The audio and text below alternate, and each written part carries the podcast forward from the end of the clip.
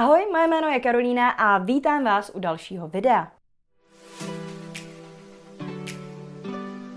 Dnes jsem se pro vás rozhodla natočit video, které jsem sice už natočila někdy v minulosti, ale protože jsem viděla, že můj mindset coach a kamarád Václav Tomanec natočil svou verzi nedávno také, nedá mi to a natočím vám ho znovu, obohacená o další zkušenosti jak s podnikáním, tak s marketingem. O co se jedná? V tomto videu se dozvíte, jak už titulek asi napovídá, jak začít podnikat online a začít vydělávat bez toho, abyste měli nějaké peníze do startu a bez toho, abyste měli jakékoliv zkušenosti. Takže pokud jste s podnikáním ještě nezačali, je tohle video přesně pro vás a pokud už podnikáte, ale stále nevyděláváte podle vašich představ, možná se na něj podívejte taky, protože v něm můžete najít tipy a triky, které vás posunou zase dál. Ještě předtím, než se do toho ale pustíme, vás poprosím, jako ostatně vždycky, o like tohohle videa. Uspokojíme tak tajemné bohy YouTube algoritmu a moje videa tak uvidí více lidí, takže předem díky moc. Tak, mou první radou je, nesnažte se znovu vynalézt kolo. Co to znamená? Chápu, že chcete mít produkt, který bude první na trhu, nejlepší koncept kavárny v Praze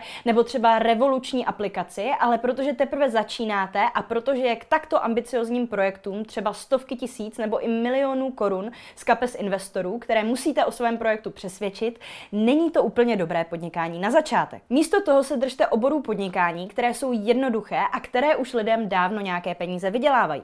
Příkladem je třeba grafika, tvorba webových stránek, výuka cizích jazyků, zpráva reklamy, online nebo osobní trénování, yoga, prodej kurzů nebo třeba virtuální asistence. Tyto obory už zkrátka online prokazatelně fungují a lidé si díky nim vydělávají reálné peníze, takže máte jistotu, že sázíte na správného koně, když se do daného oboru také pustíte a pokud v něm nebudete mít úspěch, budete vědět, že je chyba ve vašem marketingu nebo něčem podobném, ale ne v samotném oboru nebo produktu. Což je něco, co byste nevěděli, pokud byste spustili nějaký úplně nový nebo unikátní produkt nebo službu. Taky pamatujte, že pokud se zaměříte na službu, nebudete potřebovat materiál, sklady, placení poštovného nebo zaměstnance, proto bych vám doporučovala začít spíš prodejem služeb než produktů. Až si budete vybírat, do jaké služby se pustit, zvažte také tři faktory. To, v čem jste dobří, to, co vám reálně vydělá peníze a to, co lze časem delegovat. Proč doporučuji, abyste si vybrali za obor něco, co vás baví, nebo co už vám dnes jde, asi nemusím vysvětlovat.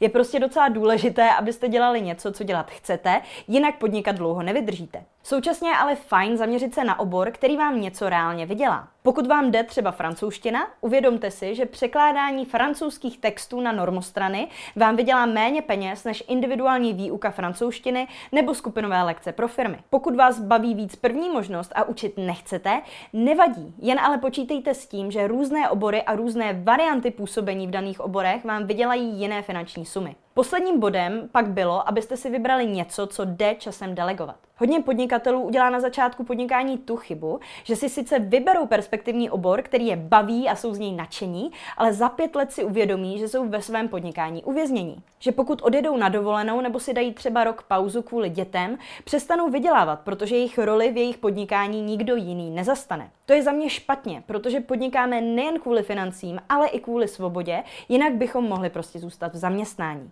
Vyberte si proto obor, kde pod sebe časem budete moci najmout jiné lidi, kteří vaši službu pod vaším vedením dokážou zprostředkovat za vás. Jen tak se z vašeho podnikání dokážete časem osvobodit a být už jen šéfem nebo o něco pěkněji znějícím vizionářem pro vaši firmu, nejen dělníkem. Ale současně své podnikání budete díky tomuhle taky moci škálovat. Čím více zaměstnanců totiž naberete, tím byste samozřejmě teoreticky velmi zjednodušeně měli dokázat vydělat více peněz. Jakmile si určíte, co byste chtěli dělat za podnikání, je na čase začít vaši službu nabízet potenciálním klientům. Nejjednodušší je samozřejmě oslovit nejdříve vaší síť rodiny, kamarádů a známých, mezi kterými se určitě najdou alespoň první tři klienti. Těm svou službu nabídněte buď to úplně zadarmo nebo za velmi sníženou cenu tak, aby se jim spolupráce skutečně vyplatila a šlo v zásadě o nabídku, kterou nelze odmítnout. Výměnou za takto sníženou cenu ale požadujte po skončení vaší spolupráce recenze a data, která budete moci využít pro tvorbu případových studií studií, ve kterých ukážete,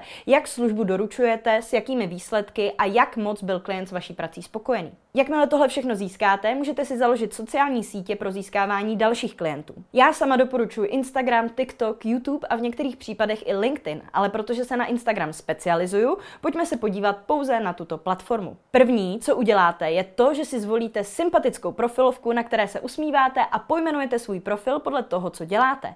Například Jana podtržítko nová podtržítko fitness, pokud chcete v názvu zahrnout své jméno, nebo pokud ho tam mít nemusíte, třeba jen něco jako jak na reklamu a sítě, jak se všude jmenuju já. Do popisku si potom napište, co děláte a pro koho, nějakou výzvu k akci nebo nákupu a odkaz na vaše služby, pokud máte webovky. Pokud ne, odkažte lidi jen do zpráv. Své recenze od klientů si pak dejte do výběru ze stories. Jakmile budete se vším hotoví, můžete na sítě začít přidávat vzdělávací nebo zábavný obsah z vašeho oboru. Tímto způsobem pak díky pravidelnému postování začnete do pár měsíců získávat další a další klienty, které už budete moci přijmout za plnou cenu a jejich recenze taky přesvědčí další a další nové potenciální potenciální klienty o tom, že by s vámi měli spolupracovat. Pokud vám na začátku ale ještě nové klienty tímto způsobem získat nepůjde, využijte svůj profil na Instagramu pouze jako něco jako webovou stránku, kterou se budete prezentovat. Napište nějakému klientovi, o kterého byste měli zájem, buď to přímo z Instagramu nebo odkaz na svůj Instagram zmiňte ve vaší první zprávě. Proč? No pokud si váš profil někdo rozklikne, uvidí na něm totiž případové studie, recenze a hlavně pořádnou dávku hodnotného obsahu zdarma, díky kterému se přesvědčí o vaší expertíze a bude vám spíš důvěřovat. Jakmile získáte svých prvních pár klientů a získáte tak nějaké peníze, nezapomeňte také nejdříve investovat peníze zpátky do vašeho podnikání. Ať už půjde o investici do facebookové reklamy, do specializovaných kurzů ve vašem oboru nebo do zaměstnanců, protože pouze tak vaše podnikání poroste dál. Tak, to by bylo mých pár základních typů do začátku podnikání v onlineu bez peněz a bez zkušeností, které vycházejí i z mé vlastní cesty, která mě dostala na krásných 30 tisíc sledujících na Instagramu a k několika milionovému ročnímu Muzisku. Doufám, že vám pomůžou i v té vaší. Chcete, abych vám svou strategii pro růst a prodej na sociálních sítích rozebrala do větších detailů? Pak se vydejte na můj web na adrese www.kursprodejnainsta.cz a puste si videotrénink zdarma, ve kterém se ode mě dozvíte, jak získávat klienty a zákazníky na autopilot s pomocí Instagramu. Chcete mě podpořit, získávat moje videa i podcasty s předstihem nebo mít možnost inspirovat se virálními trendy pro Reels a mými marketingovými typy? Tak se staňte členy na www.herohero.co lomeno jak na reklamu a sítě. Jestli se vám dnešní video líbilo, dejte mu taky like, okomentujte ho třeba s tím, o čem by mělo být video příští a taky nezapomeňte ani na odběr, aby vám neuniklo žádné další video. Tak zatím ahoj!